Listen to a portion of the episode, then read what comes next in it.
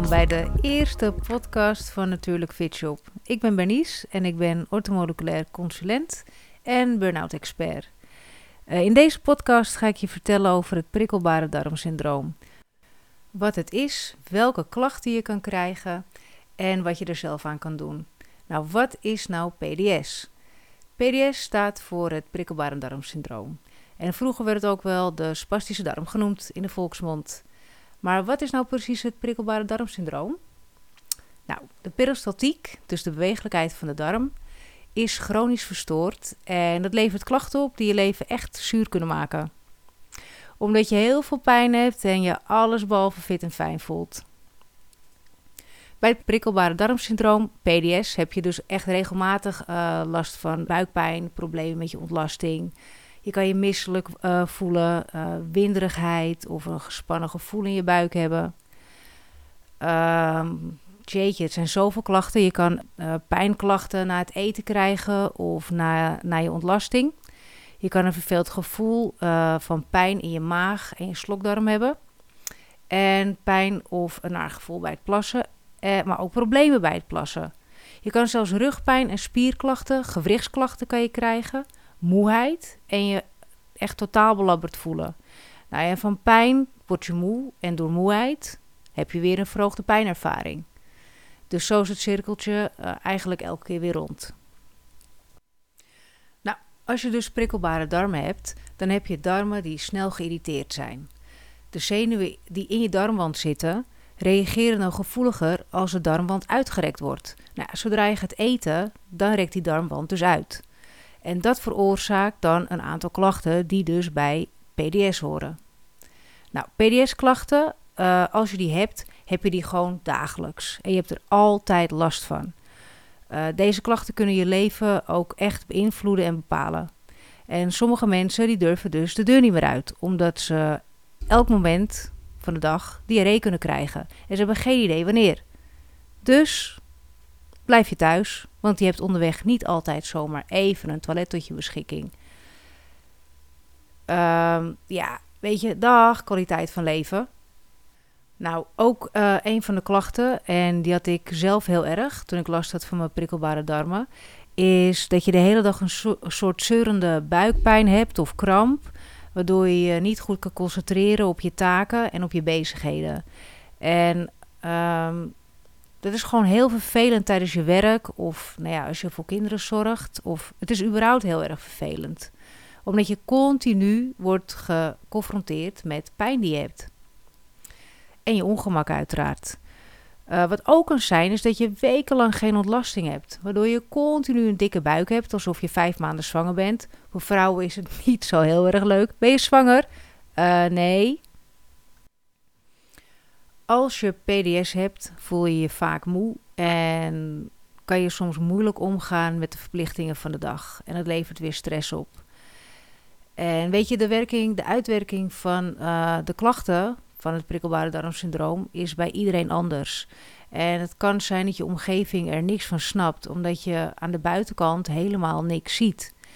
Uh, weet je, je ziet er gewoon normaal uit, maar je hebt wel continu last van allerlei klachten en pijnervaringen. En die kunnen je echt tegenhouden om uh, te genieten uh, van je leven, om ja, echt te leven, zeg maar.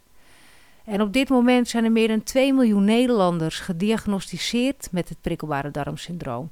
2 miljoen. Dat is best veel hoor. Dat is 1 op de 10 Nederlanders. En dat zijn de mensen die een diagnose hebben. Er zijn er dus nog veel meer. Er, zijn, er lopen veel meer mensen rond die dus niet deze diagnose hebben, maar wel met al deze klachten rondlopen. En ze gewoon door blijven lopen met alle gevolgen van dien. Als orthomoleculair consulent weet ik dat de behandeling voor iedereen met PDS anders is, omdat de oorzaak uh, bij ieder mens ook gewoon anders is. Er zijn wel een aantal oorzaken die globaal hetzelfde zijn en uh, bij iedereen wil meespelen, maar het is meestal niet maar één oorzaak. Uh, het is meestal een opeenstapeling van slechte of toereikende voeding, stress en te weinig beweging. En ik denk dat dit een van de redenen is dat, dat het prikkelbare darmsyndroom in de reguliere zorg moeilijk um, te behandelen is. De specialisten die gaan vaak op zoek naar de ene oorzaak en proberen die te verminderen of weg te halen. Maar eigenlijk is het een pleister op de wond effect.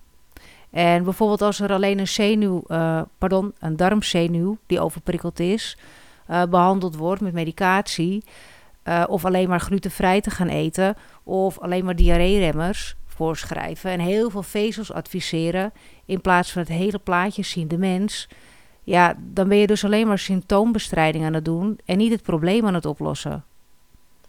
En met ortomoleculaire therapie uh, ga je probleemoplossend te werk. Dus je pakt het probleem aan bij de oorsprong.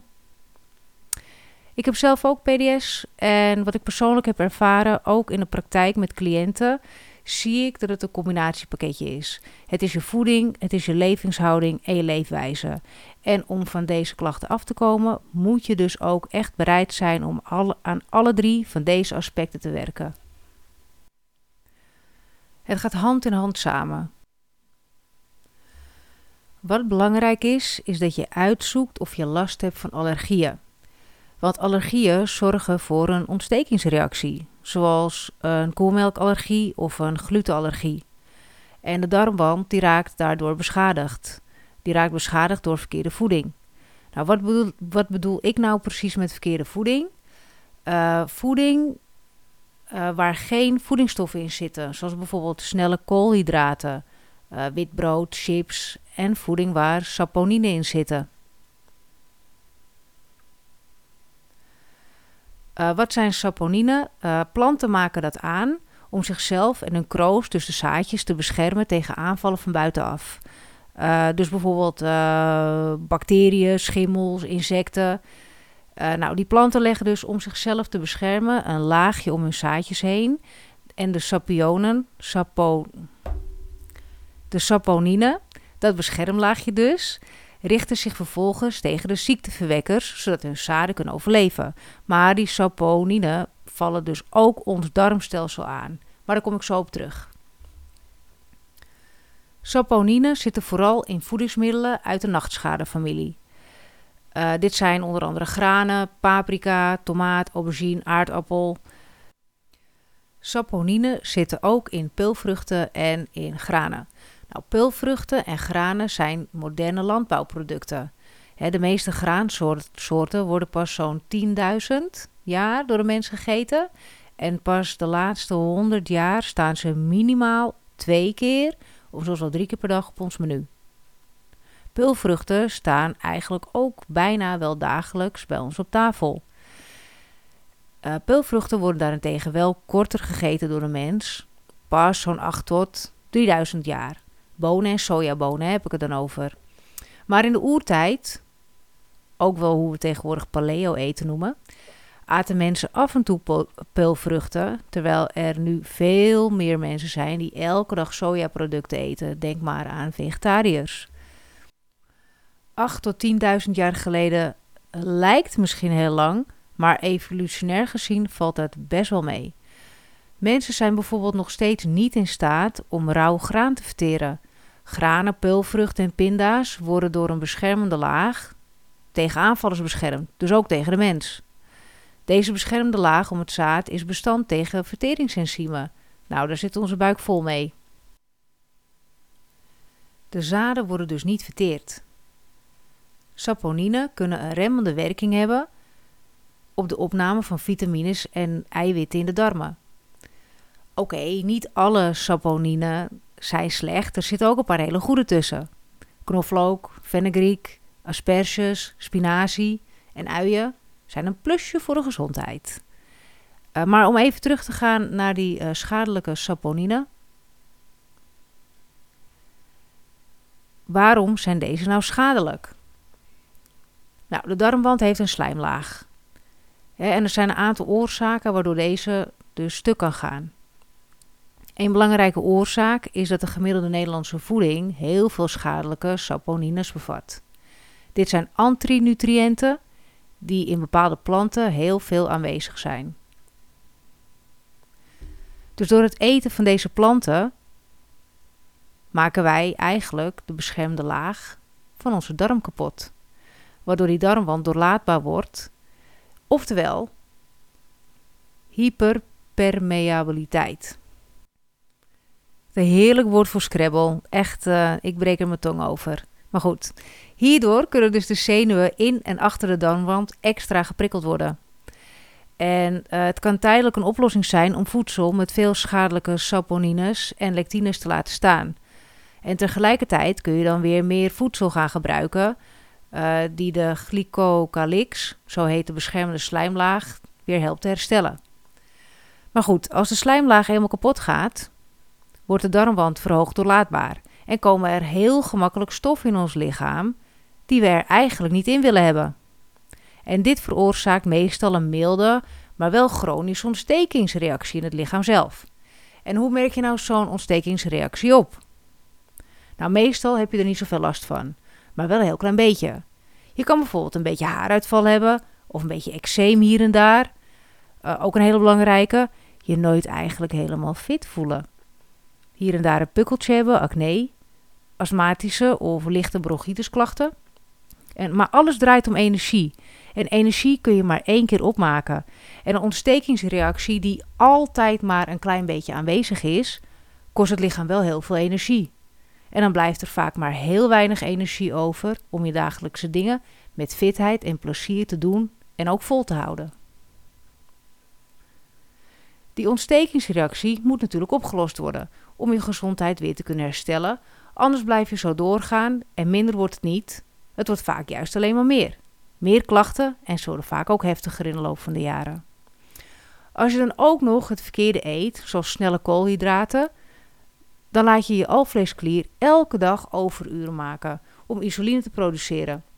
En die alvleesklier is een orgaan dat in optimale staat ook heel veel enzymen en andere stoffen kan produceren, die je echt nodig hebt om je voedsel goed te kunnen verteren. Als die alvleesklier constant die insuline moet produceren om glucose te transporteren, dan, heeft, dan heeft je alvleesklier gewoon geen tijd om al die belangrijke stoffen voor je spijsvertering te produceren. He, je, je alvleesklier is continu bezig met andere dingen. En klachten die je bij het prikkelbare darmsyndroom ziet, zijn dan gewoon een logisch gevolg. Door te leren welke koolhydraten je wel en welke je beter niet kan eten, eis je veel minder van je alvleesklier. En die alvleesklier die houdt daardoor veel meer tijd over om spijsverteringsenzymen, nog zo'n leuk woord, spijsverteringsenzymen en de rest van haar taken voor een optimale vertering van je voedsel gewoon goed te volbrengen. Dan komen we bij het punt leefwijze. Dat is ook echt een heel belangrijk deel van het prikkelbare darmsyndroom. Tenminste, dat vind ik. we, we denken er eigenlijk niet bij na, maar we zitten de hele dag op ons krent. De hele dag zitten we wel ergens. Zelfs onze kinderen. Ik kan me nog herinneren dat vroeger niet iedereen thuis een PC had of een PlayStation.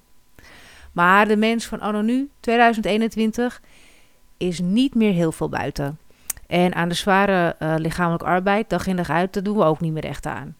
En zeg nou eerlijk, de kinderen, dat zien we hier bij ons thuis ook wel gebeuren, die zitten ook sowieso 4 tot 5 uur op school te zitten, de hele dag, een beetje buiten spelen. En met thuiskomst, omdat ze moe zijn, zitten ze weer. Ja, zo ontstaan, naar mijn idee, prikkelbare darmsyndroomklachten steeds op jongere leeftijd. Kijk, dus sport of wandelen uh, en gericht bewegen. Het is echt een must om minder buikklachten te hebben. Kijk, en we onderschatten dat echt. Hè, bewegen heeft allerlei functies voor ons lichaam. Mensen zijn evolutionair gezien gebouwd om te bewegen. Hè, uh, hoe lekker is het om te bewegen? Ja, uiteindelijk vind ik zelf ook dat het lekkerder is om in beweging te zijn dan de hele dag zitten. Maar ja, als je eenmaal zit, zit je ook wel weer lekker. En ik snap dat het soms lastig is om in beweging te komen. Hè. Heb ik zelf ook wel eens last van. Maar ga, uh, probeer, weet je, op onderzoek uit te gaan om uit te zoeken wat bij je past. Hè, welke vorm van beweging vind ik lekker, vind ik fijn en ga ik ook volhouden. Haak een vriend of vriendin of iemand aan en doe het lekker samen. Weet je, probeer iets. En dan ook, kijk, je levenshouding maakt ook wel uit. Hè? Is je glas half vol of is je glas half leeg? Heb je een mega druk leven waar alles en iedereen uh, voor jouw eigen behoeften gaat? Ja, dat levert stress op. En niet een beetje stress, En na een tijd levert het heel veel stress op, langdurige stress. En uh, ja, het werkt gewoon PDS-klacht in de hand. Uh, ga eens na bij jezelf. Um, die klachten die ik heb, wat kan ik eraan doen nadat je dit dus allemaal weet? Nou, leer anders te eten. Ik heb een voedingsplan geschreven uh, om laagdrempelig naar een gezondere eetstijl over te stappen. Het Eet je Fit plan. Het bevat alle tools om succesvol van heel veel buikklachten af te komen. Kijk, en als je voeding gaat eten die je echt voedt, dan zul je ook echt meer energie krijgen. Je zult zien en merken dat je actiever wordt en dat je meer zin krijgt om dingen te gaan ondernemen. Sport, of in ieder geval bewegen, is dan echt geen berg meer. En dat is misschien nog een klein hobbeltje. Maar goed, over een hobbeltje ben je zo heen. We zijn alweer aan het eind gekomen van deze podcast. En ik wil je bedanken dat je geluisterd hebt. Ik hoop dat je geïnspireerd bent geraakt. Of misschien wel op idee bent gekomen. En dat je na deze podcast wat wijzer geworden bent. En misschien wel heel nieuwsgierig geworden bent over uh, het prikkelbare darmsyndroom en wat je eraan kan doen. Uh, neem gerust een kijkje op www.natuurlijkfitshop.nl. Gezonde groeten en tot de volgende podcast.